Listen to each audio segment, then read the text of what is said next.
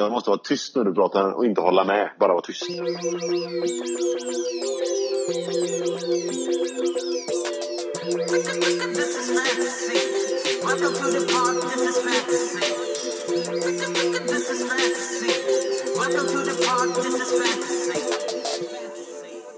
Då ska jag bara hälla upp ett litet glas här och det är en Highland Park 12-årig som glider ner där.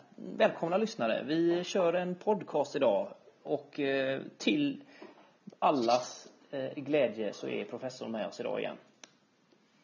Ja, synd att inte du kunde vara här hos mig idag, men det är väl snön som sätter stopp då. Ska du berätta om snöläget här i Oslo? Ja, det är totalkaos givetvis. Eh, Det kom väl ett par decimeter här om natten va? Eller hur var det hos dig? Vi här uppe i, i jag bor ju ändå lite högre upp än dig, lite så här bort från stan eh, mot Holmenkollen och där är det faktiskt ett bra, alltså det är ju, det är nog fyra, fem dess alltså utanför min dörr. Riktig jävla snöhög alltså. City och två, mellan två och tre. Ja, men där smälter det bort sig snabbare alltså. Men här uppe håller det sig. Det är riktigt jävla snölandskap alltså. Vart det länge. Det är gött. Mysigt för barnen vet du. Oj, vad kul för barnen. Åka längdskidor. Och åka längd... Så- Hela eh, eh, professorns familj ska ut på längdskidor. Fy fan. Du, ska vi snacka Premier League istället eller? Ja, det gör vi. Eh. Fantasy. Eh, vi hade ju en eh, omtalad och omtyckt podcast förra veckan. Eh, Mm. Vi hoppas ju att vi ska kunna leverera något liknande idag. Ämnena, vi kan ju inte släppa silly season givetvis. Nej. Det rullar ju på. Så det blir väl första targetet här idag. Och sen kör vi lite hjälp för oss och spelare som behöver stoppa in någonting i laget eh, och där vi kanske inte kan komma åt de här bästa spelarna i topplagen. Mm. Offensiva spelare i lite sämre lag helt enkelt ska vi kika på. Backfynd vill vi ju alltid ha. eh, Rekommenderade. Så det tycker jag vi ska nämna. Och så ska vi se om vi kan droppa in lite kul frågor under, under podcasten här som, eh, som du eller jag kan svara på och eh, som lyssnarna kan suga på också under tiden eh, medan vi tänker. Mm. Det är väl så vi har tänkt att lägga upp det i alla fall idag. Låter kalas. Tycker jag. Eh, vad, vad, är, vad är senaste silly season eh, bomben här nu? Har du några bomber att eh, komma med? Är det någon nyhet sen senast? Är det inte bara att Mkhitaryan och Sanchez-stilen verkar bli av som är liksom det mest troliga nu? Att det vi snackade om senast med att Sanchez Ja, att det nu lutar åt United framför City då. Trubbigt, ja, Eh, jag, det- jag, jag var, trodde ju att City skulle ta någon alltså. Eh, fram tills eh, strax Ja. efter våran podcast kan man säga. Ja, det verkar ju som att de har vänt på, en, eh, på ett korvöre, eller säger man, för att eh, han, eh, in, han krävde en lön som gjorde honom bäst betald och som skulle på något sätt förstöra sämjan i truppen. Det verkar vara det som är mot, motivet bakom att han nu dras ut. Liksom. I City ja. Att eh, de, Ja, i de har inte ja. pengar helt enkelt. Eh, ja, det har de väl, men, men just att de val- valde liksom att inte rucka på truppens balans på något sätt. Konstigt, men, men så blir det. Och frågan är ju då, du menar potentialet för, för en Sanchez i United är ju tråkigare än City, absolut. Ja, du är inne på fantasy-potentialen eller eh, vad, Ja. vad tänker du? Ja, generellt. Alltså, han vinner ju inte ligan med United eh, i år. Han, eh, men sen fantasy så är det ju mycket tråkigare. Inte alls samma poängmöjligheter. Ska vi, ska vi dra lite fantasy-rokader? Vad, vad händer här med de andra spelarna? Vem, alltså vem får, en bättre roll? Eh, Kommer United producera mer? Kommer eh, någon bli bänkad? Vad, vad, är, vad är det som händer här egentligen? Det som händer är att Mourinho säger, eller det som det ryktas om nu att han, att han säger, det är att Sanchez kommer få en högerytterroll i 4-2-3-1. Alltså bakom Lukaku men till höger. Eh, och där spelar ju då just nu Mata eller Lingard. Eh, Lingard var mer centralt senast och Mata var till höger. Ja. Eh, så det påverkar ju deras speltid självklart. Eh, det verkar som att Martial faktiskt börjar ta, ta och, och, hålla fast i den här vänsterrollen. Ja, han gjorde det ju skitbra senast alltså. Fan vad frejdig han var alltså. Ja, det, det, Så- jag, jag såg ju honom några matcher innan där och Ja. jag nämnde ju, jag tyckte ju att han såg väldigt, väldigt fin ut. Det Ja, såg jag i ja. podcasten senast och det, Ja, det, ja. när han bombar in sådana saker Ja. de sista så. Ja, han var svinbra alltså. Men eh, det verkar som att det kommer att bli då Martial, Lingard eller Mata i mitten och så eh, då eh, Sanchez till höger om han kommer. Men Mata är väl den som, eh, som det ser ut som, eh, som kommer få mindre speltid på direkten då. Ja, som du ser position för position så är det ju Mata som just spelar nu just nu som, som det ser ut. Så jag tänker väl också det. Eh, Men, men eh, så har han ju haft mer vänsterpositionen och kommit in och skjutit med högern. eh, Så att det talar ju lite mot, ja, mot absolut. högerkanten liksom. Men ja. Eh, Men värdet på, eh, alltså Uniteds värde som fantasyspelare, det går väl upp egentligen eh, på de som spelar när en bättre spelare kommer in eller? Ja, precis. De som spelar får ju ett lyft. Men om hans värde är bättre där än i Arsenal. Det kan ju hända att han presterar bättre för att han nu äntligen hittar den klubben han vill gå till och att han, och att han är nöjd. Liksom, att han liksom inte har varit helt nöjd i Arsenal. Men egentligen spelar kanske Arsenal och United det är inte så att United är sådär jättemycket frejdigare framåt än vad Arsenal är. Liksom. Nej. Och nu får han som du säger en högerkantsroll där han inte kan vandra in i banan på samma sätt. Liksom. Och jag menar, han står inte först i kön på frisparkar och så som han gjorde i Arsenal kanske heller. Så att eh, där droppar ju hans värde också. Eh, Fasta situationer, han tar ju inga straffar och frisparkar. Nej. Så Nej, det är ju... Ja, det, det, det, Man kan väl säga kanske eh, Lukaku kanske kan få eh, lite mer eh, att- göra och eh, lite mer offensiva poäng på de övriga som spelar bredvid Sanchez. Mm. Sanchez blir kanske inte mer värd. Eh, och eh, Mata blir definitivt mindre värd här, eller? Ja. Och det är risk med Lingard också antagligen i och med att de har varit lite på den sidan där. Ja, Bägge om, två. Om Mata får, gör det bra så, Ja. så kan Lingard Mm. ja. Yes, eh, bra. Eh, det var lite genomgång. Men det är ju även Mkhitaryan som ska flytta på sig i så fall. Det är väl han som står och väger eh, och ska knyta ihop den här säcken. Vad, vad tror vi om, eh, om sanningshalten i att det är han som avgör? Eh, ryktena säger ju att eh, han faktiskt han var... kvar menar jag? Och Sanchez också. Han kan bli kvar, men det sägs att det finns en avtalad summa eh, på vad det kommer kosta United om Mkhitaryan då tackar nej. Eh, som ligger runt 35 miljoner pund. Så det är lite så att det är ett rakt byte Mkhitaryan mot Sanchez eller en summa. Så det bör ju inte spricka oavsett då, om inte, Arsenal, om inte då United väljer att dra sig ur. Men det låter ju konstigt. Nej. Så, är pengar men... att betala bara för, för United helt enkelt. för, för fantasy-spelarnas skull så är det ju roligare om Mkhitaryan går den andra vägen. För Mkhitaryan tror jag kan göra det jävligt fint bakom eh, Lacazette bredvid Özil i ett sånt eh, 3-4-3 system. Mm. Ja, Mkhitaryan kan ju få en fin roll där, absolut. Mm. Och sen är det ju, det, om vi tar nästa gubbe där, Aubameyang. Från Dortmund ja. Som är på väg eh, och, och som det skrivs mycket om. Eh, Gubben eh, till honom var i, landade i London idag i morse och eh, ja, vad, vad, alltså Mkhitaryan, Aubameyang, de har lirat ihop i Dortmund. Kan det påverka Mkhitaryan? Ja, och Aubameyang kanske också. Jag tänker att det är ju ett radarpar från Dortmunds eh, tidigare. Och det få se det i Arsenal igen. Hej då Lacazette för övrigt då, den som du sitter och håller på honom i en draftliga. Det är ju inte så jävla roliga nyheter. Och Giroud definitivt ut ur all form av speltidsbild framöver. Men, men de två gubbarna tillsammans i en Arsenal-offensiv bredvid med tillsammans med Özil. Det är ju jävligt trevligt. Aubameyang Ja, och Aubameyang har ju varit jagad i många års tid av storklubbar och har ju inte kommit iväg. Man har nästan väntat på det i varenda fönster. Att vem plockar honom liksom? Eh, han har väl varit placerad i mer eller mindre alla storklubbar från Liverpool till Real Madrid mer eller mindre. Så att Arsenal gör ju ett kap där om de plockar honom och dessutom italian tycker jag då. Ja, nej, det, droppen var väl här nu i veckan där eh, någon av de tyska tidningarnas journalister eh, tyckte att han eh, spelade apa lite, spelade Allan. Eh, men uttrycket på tyska är ju, när man spelar Allan, är ju att spela apa. Eh, och Ah.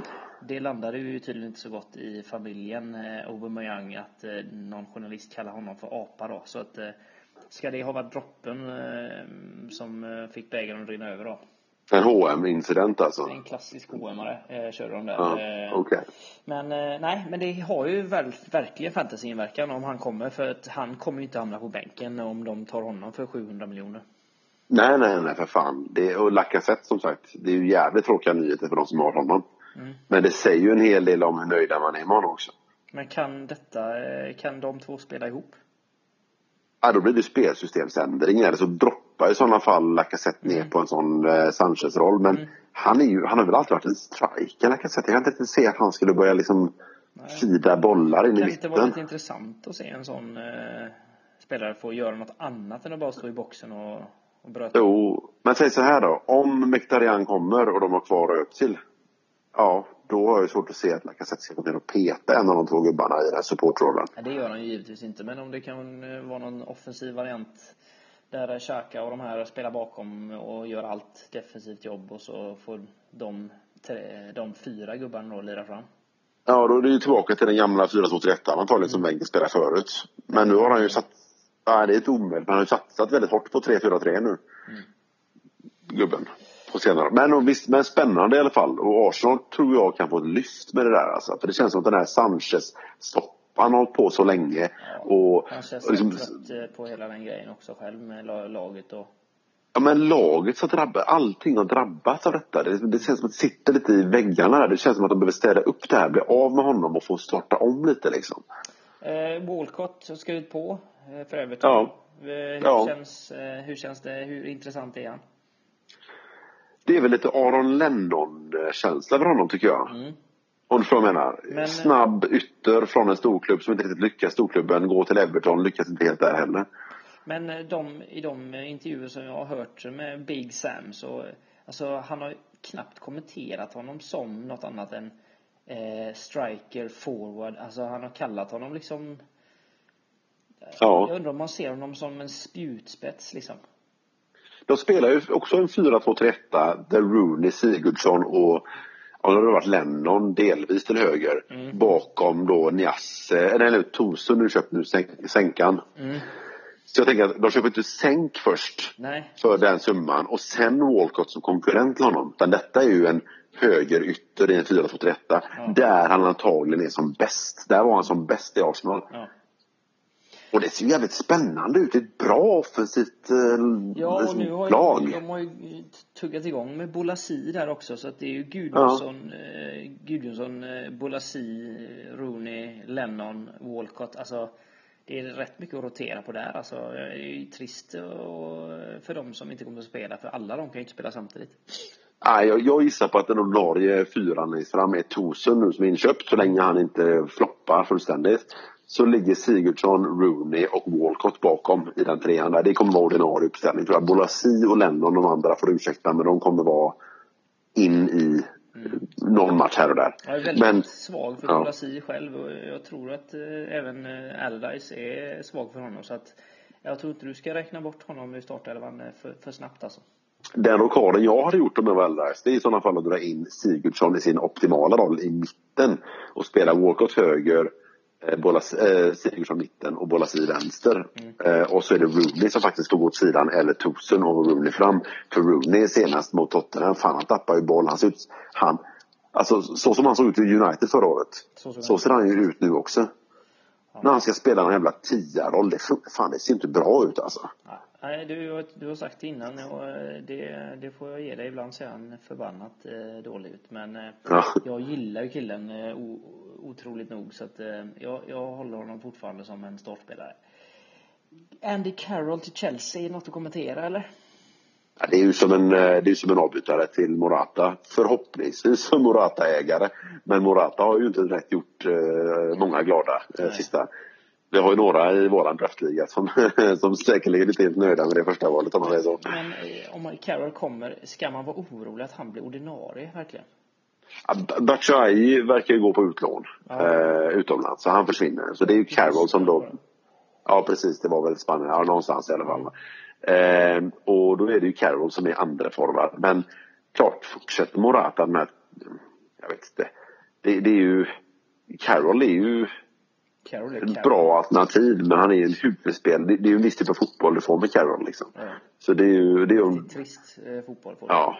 Men det är väl lite som Lorente som andra forward i, i Tottenham känner jag. Ja. Att det, det är lite samma stuk här. Du behöver en stabil, bra gubbe att kunna kasta in. Men du, det är också uttalat att den killen är andra forward. Ja, en trist spelare som kanske kan bli aktuell i fantasyligor här om han eh. Men vad händer då med West Ham då? För vad får, vilka konsekvenser har vi i West Hams anfall då? Nej men West Hams anfall har ju klarat sig utan anfallare nu på slutet. Det såg man ju sist. Aronautovic spelar eh, anfallare. Spjutspets. Mm. Och eh, vem var det? Lentini, eller vad heter han eh, bakom? Lanzini, ja. Lanzini.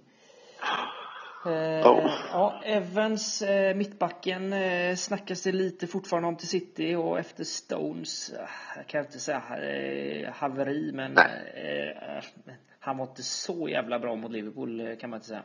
Nej, nej. Och fall eh, Kompani går skadad där halva säsongen en gång till.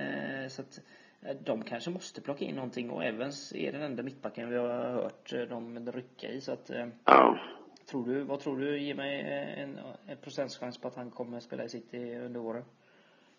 Ja, den är låg tänkte jag ändå. Alltså, jag tycker det har svalnat det där intresset en del nu. Jag tror det är, det är nog 20 procent på den. Alltså. Mares ryktas det är inte lika mycket om heller längre. Nej, han, också, också tyst där alltså.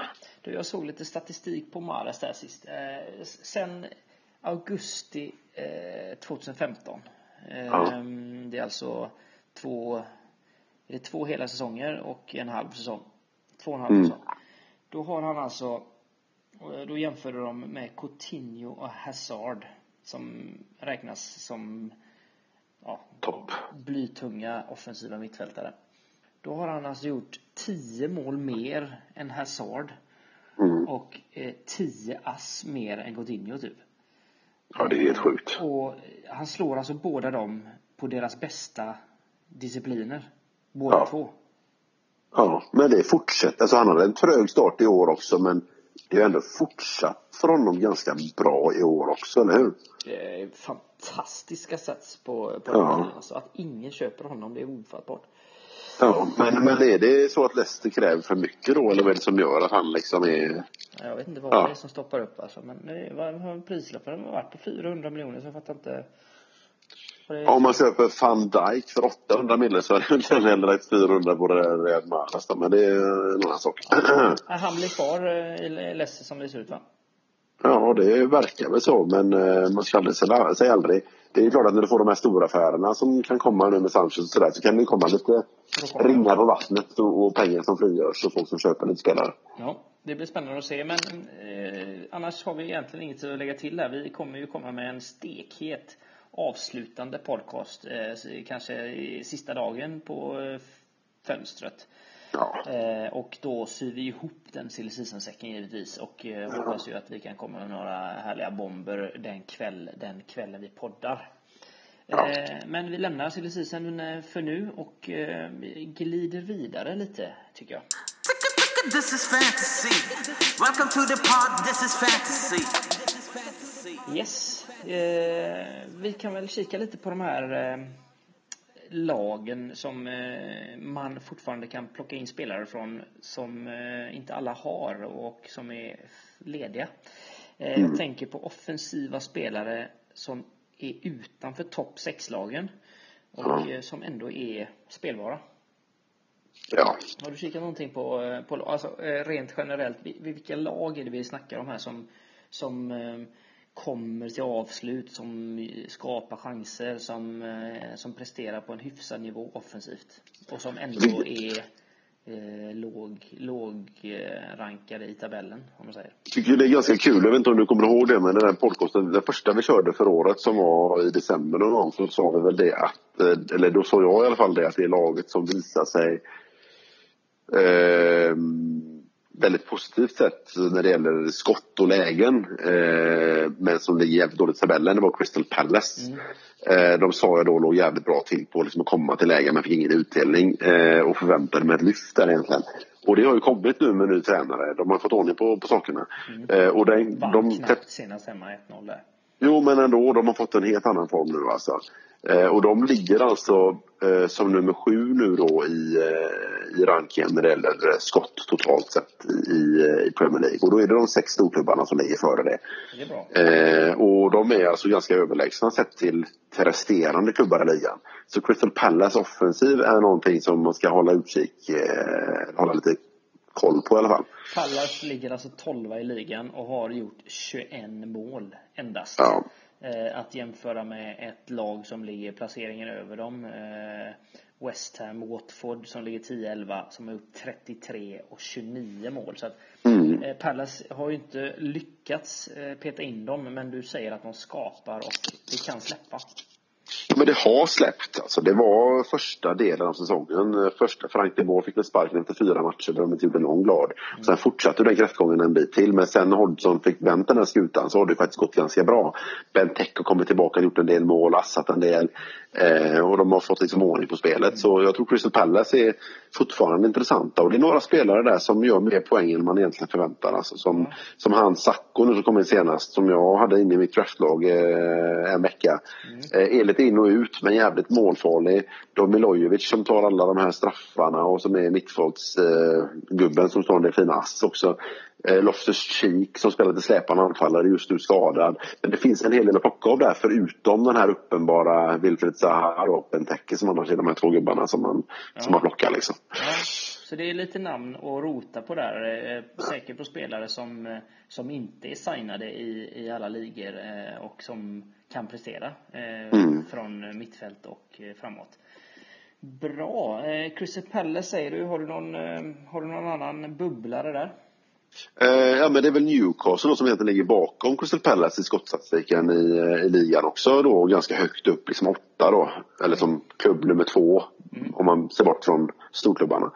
Eh, och det är också lite överraskande. De har inte heller gått så bra. Eh, och, och tänker man väl inte på som ett lag som är offensivt eh, kanske ger så bra utdelning. Men men där är det också en del spelare som kan vara intressanta att följa med på. Eh, du tänker framförallt på yttermittfältarna Atsu och Richie. Framförallt Richie är väl den som, som tar mest frisparkar och, och, och eh, hörnor och sådär. Och, och även straffar. Ehm, men sen är det lite mer rotation på de centrala positionerna i anfallet. Eh, Perez, Gale, eh, Mitrovic är snart tillbaka från skada. Joselu har spelat. Så, så där är det lite mer osäkerhet. Men, men just yttrarna där, Yatsu och, och Richie tror jag kan vara fint att hålla ögonen på. Alltså. Ja, mittfältarna eh, eh, presterar väl ändå lite där, ja, som du säger. Eh, Mm. Och poängmässigt så är det Richie som, eh, som ligger lite före. Men eh, om du skulle ranka, eh, vilken av mittfältarna skulle du välja här nu om, vi, om, vi, om du vill välja? Om du tar Richie, Atsu och eh, vad har vi som eh, tredje? Är det, Nej, det är, det är nog egentligen de de två som är mest intressanta. Och ser man på de två så är det faktiskt så att Richie, ja, de är ganska jämn, jämn, jämnstarka när det kommer till att komma till skott. Men Richie har i kraft av att han tar hörnor och frisparkar och så vidare mer assförsök. Eh, och han tar även straffarna. Eh, Så jag hade nog faktiskt valt Richie före Atsu. Men Atsu har ju exploderat och gjort mera mål och ass faktiskt, Om inte jag har helt fel. De Så det är lite sådär. är, de här spelarna är ju ändå ägda i stora delar av ligorna. Eh, Mm. Vi har ingen sånt, eh, inget, ingen dark horse där som kan dyka in och, och eh, göra något eh, som... Hur är det med Perez? Är det inte... Han är så uppförd som anfallare väl, om inte jag har fel. Okej, ja. Då är det inte... Och då blir han lite mera, och han spelar ofta, när han kommer in spelar han ofta den släpande nummer 10-rollen och då blir han Jag lite... alltså, det får jag säga. Men jag Ja. hade missat att han är ju anfallare här, ja, just det. Ja. Han är inte lika aktuell. Nej, så du rekommenderar Richie och Atsu. Eh, De kan börja producera snart då. Ja. Eh, Jag har ju lite vurm för Southampton här. Eh, Är inte de ett lag som borde ligga högre upp i tabellen? ja, och de, det är kul att du nämner dem, för de ligger ju då faktiskt rätt bakom Newcastle också i skottstatistiken. Eh, och eh, då trea så att säga, förutom de lagen som är topp sex. Det var intressant. De ligger ju på 17 plats i tabellen. Ja, och har gjort lite mål också. om Vad, ser du hur många mål de har gjort? eller? 23 mål eh, har de gjort. Så de, Ja. de har gjort fler mål än Palace och ligger fem, poäng, fem platser bakom. Men eh, Ja. eh, Newcastle, eh, ja 21, 21 mål på Newcastle och 21 mål på Palace. Det är Ja. inga höga siffror vi snackar om här. Nej. Om, om vi ska jämföra, alltså innan du tar något mer om Southampton där så kan vi säga att eh, lagen som har gjort eh, fler, flest mål vid sidan av topplagen så är det Watford, eh, Leicester och West Ham som, är, som, Ja. som skiljer ut sig från eh, och har petat in bollarna. Du Ja. tar ju nu upp eh, de lagen som skapar chanser och kommer till avslut. Men de som har petat in fler mål och som närmar sig topplagen i den statistiken, det är, de, det är det Leicester, Watford, West Ham. Så, att, så, så att det, det är lite olika Ja, saker vi pratar om här. Ja, ja. Det är det ju. Alltså, men Southampton känns som att de har underpresterat i år. Man har förväntat sig mer av dem faktiskt tycker jag än vad vi har fått. Ja, verkligen. Eh, börjat riktigt dåligt och dåligt försvar med som egentligen var starkt förra året och känns väldigt ostabilt i år liksom. Mm. Ja, och eh, roterat mycket på offensiva positioner och inte riktigt lyckats- hitta det var och bytte ju också tränare så att klart att ja. Så Ehm, är väl G- Gabbiadini var på väg hem till Italien läste jag idag.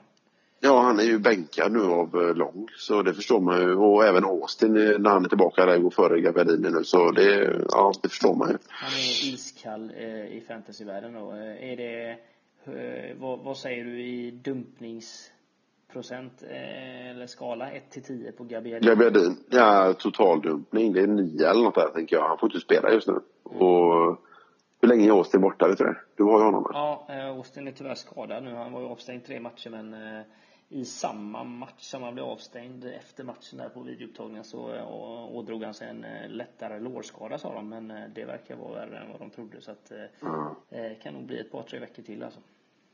Ja, okej. Ja, när han är tillbaka tar han den platsen och då verkar det som att Lång är tvåa och då är Gabbiadini trea. Så jag menar det är ju inte något att hålla på på lång sikt ändå. På lång sikt. På lång sikt. Precis. Det var faktiskt no pun intended där alltså. Eh, eh, eh, Medfödd Göteborgshumor är underbart. Ja, Eh, Tadic är ju givetvis plockad av de flesta, i de flesta ligor. Eh, Det ska han ju vara. Eh, En offensiv och mer eller mindre given nu under nya tränaren. Redmond däremot, som vi egentligen gillar. Har du någonting att säga om honom eller? Men han får inte, han får inte spela liksom. Det är det som är problemet. Sista fem matcherna så har han hoppat in mycket men han får liksom inte den stabila speltiden. Och, och kollar du då på menar, vad, han, vad han hinner med att göra så, så är det liksom, det, är, det är inte mycket offensivt som, som han producerar just nu alltså. Nej, han Ehm. är given eh, i liksom eh, 20 matcher eh, på säsongen och han har fortfarande inte gjort sitt första mål än så att jag vet inte, han kanske Mm. är mer eh, omsnackad och eh, kringsnackad än eh, vad han borde vara. Ja, en som har dykt upp då i, som jag inte tror plockade så många ligor nu och som gjorde två mål senast. Det var väl lite av en eh, överutdelning kanske, men det är ju James Ward-Prowse. Ja. Som den, den gamla U21-hjälten i England som, eh, som är fortfarande ung och lovande med en fin högerfot, slår mycket, in, alltså, slår mycket fasta gör han också. har Premier Leagues bästa högerfot, har de inte utnyttjat den till det? Eh, jag kan ha missat den utnämningen, jag vet inte. Men, eh, men eh, topp top fem högerfötter kanske. Mm, fem. Men han, men han kommer alltså till mer skotten mot Tadic gör. Han tar i princip lika många assförsök per match som Tadic har. Och definitivt mer skott på mål än vad Tadic har.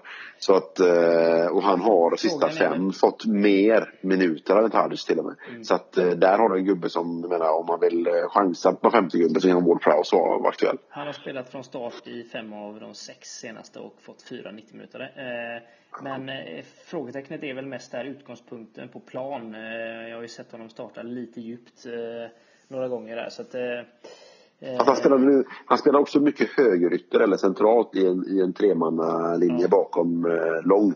Så han får ibland offensivt alltså. Mm. Nej, men eh, jag menar om han gör mål nu och eh, då kan han glida fram och bli en ganska intressant spelare här. De möter Tottenham, eh, Birmingham och West Brom de närmsta tre. Så att det är väl inte chock plocka in som gäller till Tottenham-matchen direkt. Men sen Birmingham, West Brom och framåt så har Southampton faktiskt ett av de bästa spelschemana som är. Birmingham. Ja. Vad sa du nu? Birmingham? Nej, eh, eh, vilka hade de så? Nu Det var Tottenham. Ja, de klickade bort. Jag klickade bort här nu. Så jag ser... Nej okej. det är... Jag, bara- Nej, ja, jag, jag, jag, jag, ser, jag ser faktiskt inte nu vilka... Men det var inte så att du fick igenom fa Cup-match och alltihopa. Jag bara blev lite konfunderad här nu. Jag måste måste kolla vad fan, vad är det de möter där egentligen? Nej, spelar ingen roll. Nej, men kan det ha varit Brighton kanske de hade då?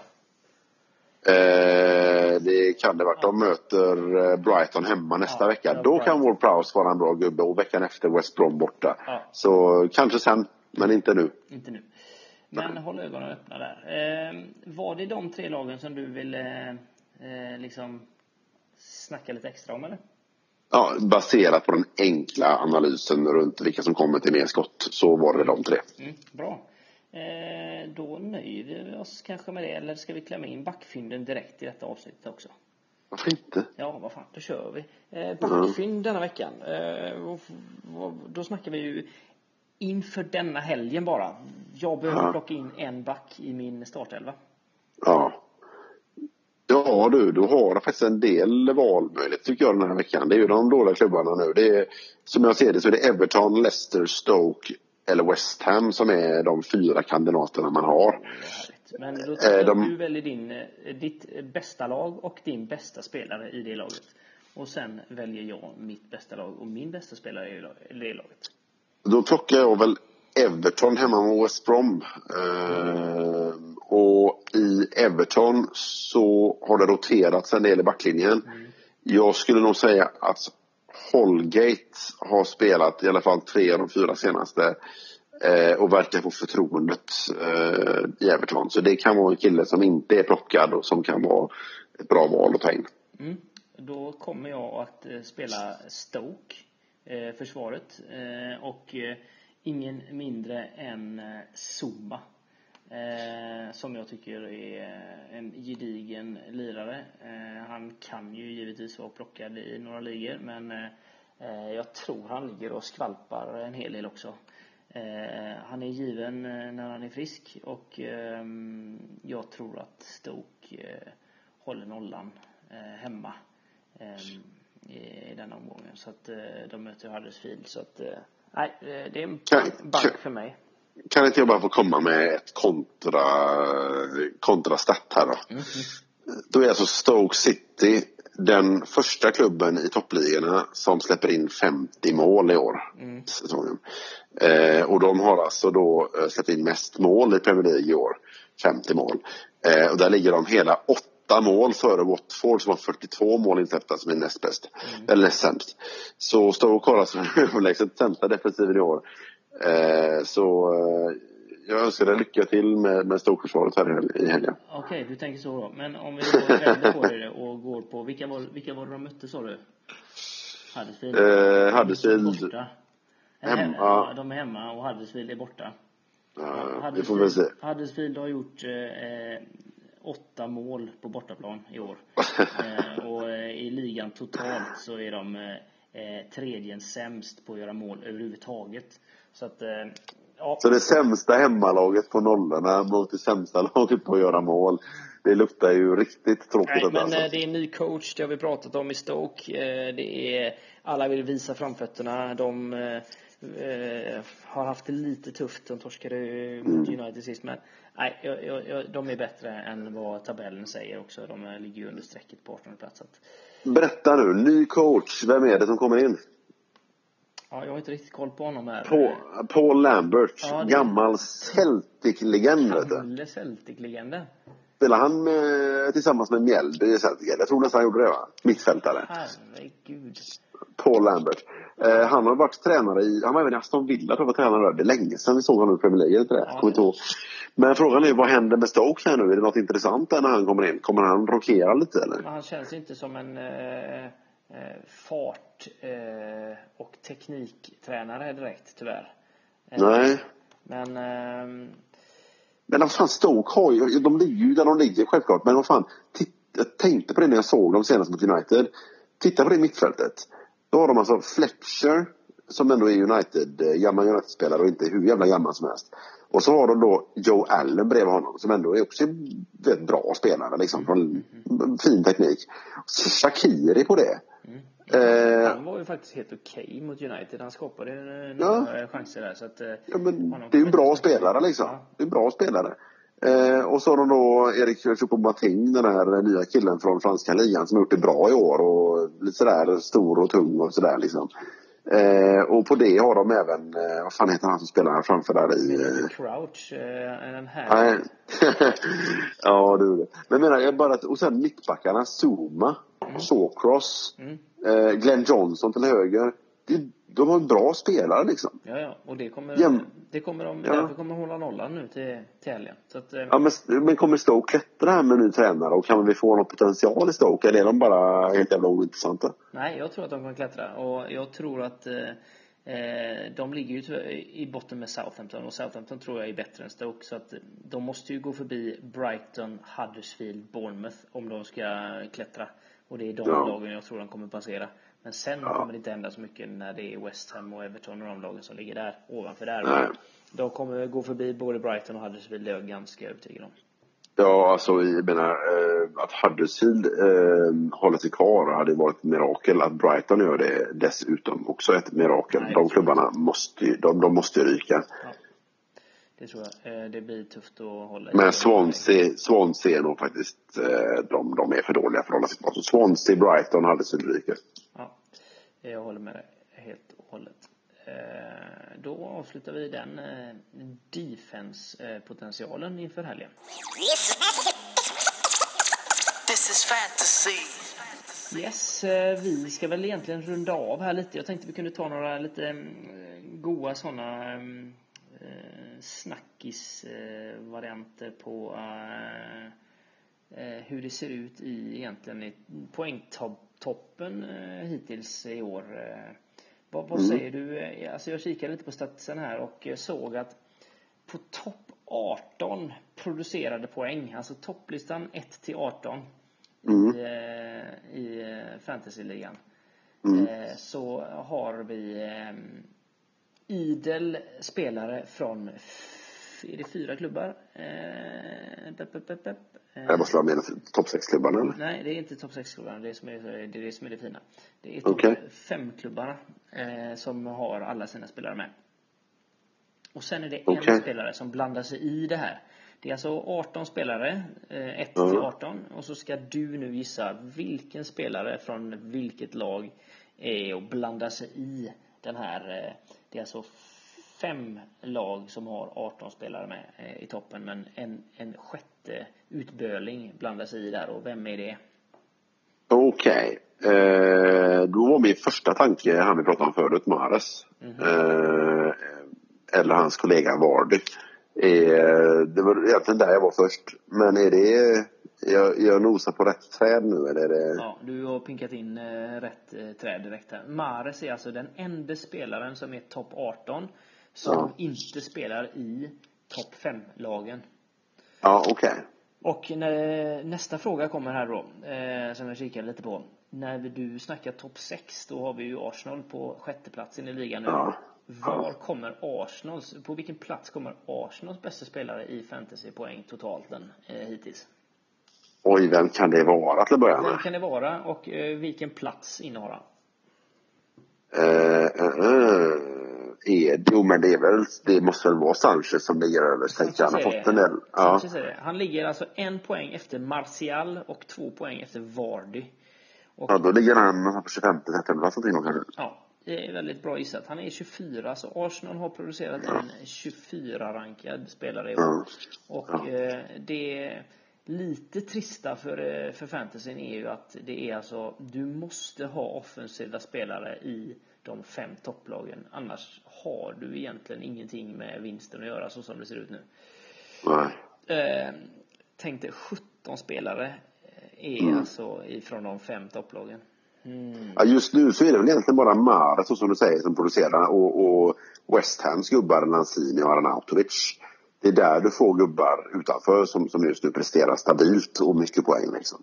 Ja, i det, i det långa loppet så är ju det här eh, inte bra för fantasyn om inte eh, forwards och offensiva spelare kan eh, eh, hänga baljer liksom. Eh, Ja. Även om de inte spelar i topplagen. Det är, Mm. det är förbannat trist om det bara är de fem eh, topp- Ja, vi väntar fortfarande på att mitt eh, pick Glenn Murray börjar producera lite bättre nere i Brighton och Hove Albion där va. Ja, Det ser spännande ut. Man hade behövt några sådana riktiga eh, målspottare i de sämre lagen som, Ja. som också hängde med där liksom så att det blev lite rotation och lite Mm. rullians. Men ja, det var, det var lite det av de eh, små kiken som jag hade gjort där. Eh, Men du snackade ju om en grej innan vi eh, började podda här idag och det var Arsenals försvar, apropå topp 6-gubbarna. Ja. Så där hade du en intressant grej som jag inte hade tänkt på överhuvudtaget. Kan inte du dra den också? Nej, men vi kikade ju på, eh, alltså vi bollar ju idéer här nu. Hur ska man hitta spelare som inte är tagna i ligorna och som eh, man ändå kan få bra betalt för. Och i Arsenals backlinje så har det ju varit en del skador. Eh, och de har ju spelat med lite oortodoxa backar. Eh, och när vi kikade på det, och jag hade lite koll på det, så är det ju en del spelare som faktiskt har gjort väldigt många matcher i rad nu. Eh, i, från start. Så att eh, där får, det är ju veckans eh, spaning där att hå- håll koll på de spelarna som nu faktiskt börjar bli ordinarie så länge, så länge de här skadorna håller i sig på Koscielny och, och Monreal och de som inte spelar nu då. Och Ja. vi har ju sett att Mertesacker är ju totalbänkad eh, och eh, där då Holding och eh, Chambers går in och, och spelar mer eller mindre regelbundet nu. Ja. Och när vi ser på de kommande matcherna, Crystal Palace, Swansea, Everton, så, så är det ju ett bra spelschema. Så att eh, här finns det egentligen guldläge att plocka in eh, topplagsbackar eh, som kammar hem poäng. Ja, det som förvånade mig här var faktiskt att, eh, att Chambers fick så mycket speltid som, eh, som han har fått. Han har ju du plockat i draftligan vet jag, men, men eh, att han var så tydligt fjärde val i den trebackslinjen där bakom de som normalt spelar, det var överraskande. Och att Mertesacker är så jävla petad. Så att där kan ni rota runt i era ligor och se. Finns säkert något gott att plocka in där. Någon som är väldigt frustrerad just nu, det måste ju vara någon som sitter och äger eh, Siad Kolasinac, vänsterbacken, som är totalpetad av eh, Maitland Niles just nu också. Ja, det har ju säkert rört upp en del känslor i fantasyvärlden för att det var ju en offensiv position han hade i den backlinjen eh, och hamnade ofta på offensiv plan. Alon, en liten Alonso-back kan man säga, fast Ja. det är Arsenal. God fot. Och så nu helt plötsligt ingenting. Nej, det är nästan så att han är droppbar. Droppometer 1 till 10, vad säger vi?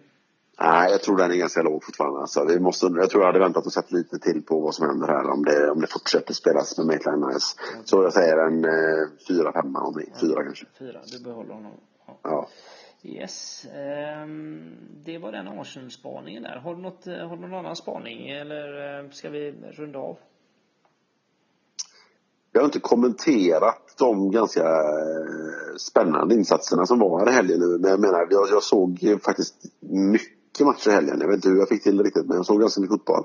Och fan, Tottenhams eh, tåg hemma nu som har varit svårstartat men som nu rullar ordentligt alltså. Fy fasen vad fina de ser ut.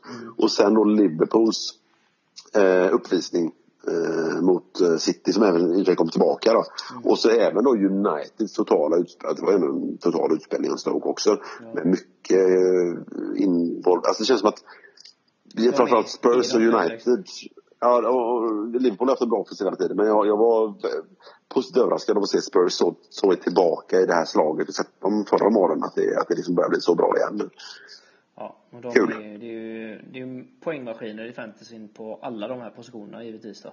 Ja, ja visst. Eh, Det som var den, eh, jag hajade till på en stat där eh, i City-matchen, Liverpool City-matchen, där, eh, där det var första gången i år som ett lag hade fler avslut än City i, eh, Ja. när City spelade match då. Eh, Så att Liverpool eh, var, var första laget som hade fler avslut. Vem tog Coutinho-rollen? Frågade inte jag senast, är det The Ox eller? Och vad fan gör han? Ja. Springer upp och dönar in den det första han gör. Ja, ja, ja, alltså Coutinho-roll och Coutinho-roll. eh, Han var, gjorde ju en jävla fin match men eh, Ja. eh, det handlar ju om vem som eh, lite vem som blir spelfördelaren där och det, det kommer ju inte också, också bli. Det blir ju eh, Wijnaldum är ju den som eh, kanske håller i bollen och slår flest passningar eh, på den eh, offensiva planhalvan så att eh, ja, eh, Lalana blev det inte eh, utan det blev så som jag ser det där blir det Wijnaldum som som liksom slår flest passningar då. Men eh, Ox gjorde ju en jävla fin match för det. Det kan man ju inte säga. Han är en ass också till, till Firmino där, så att, Yes. Eh, men vi nöjer oss med det va? Ja, se fram emot helgen. Ja, vi ser fram emot helgen eh, och sen i nästa vecka rundar vi även av eh, CD Season-säsongen. Och eh, ja, vi tackar för idag och eh, lycka till nu i helgen. Ha det bra.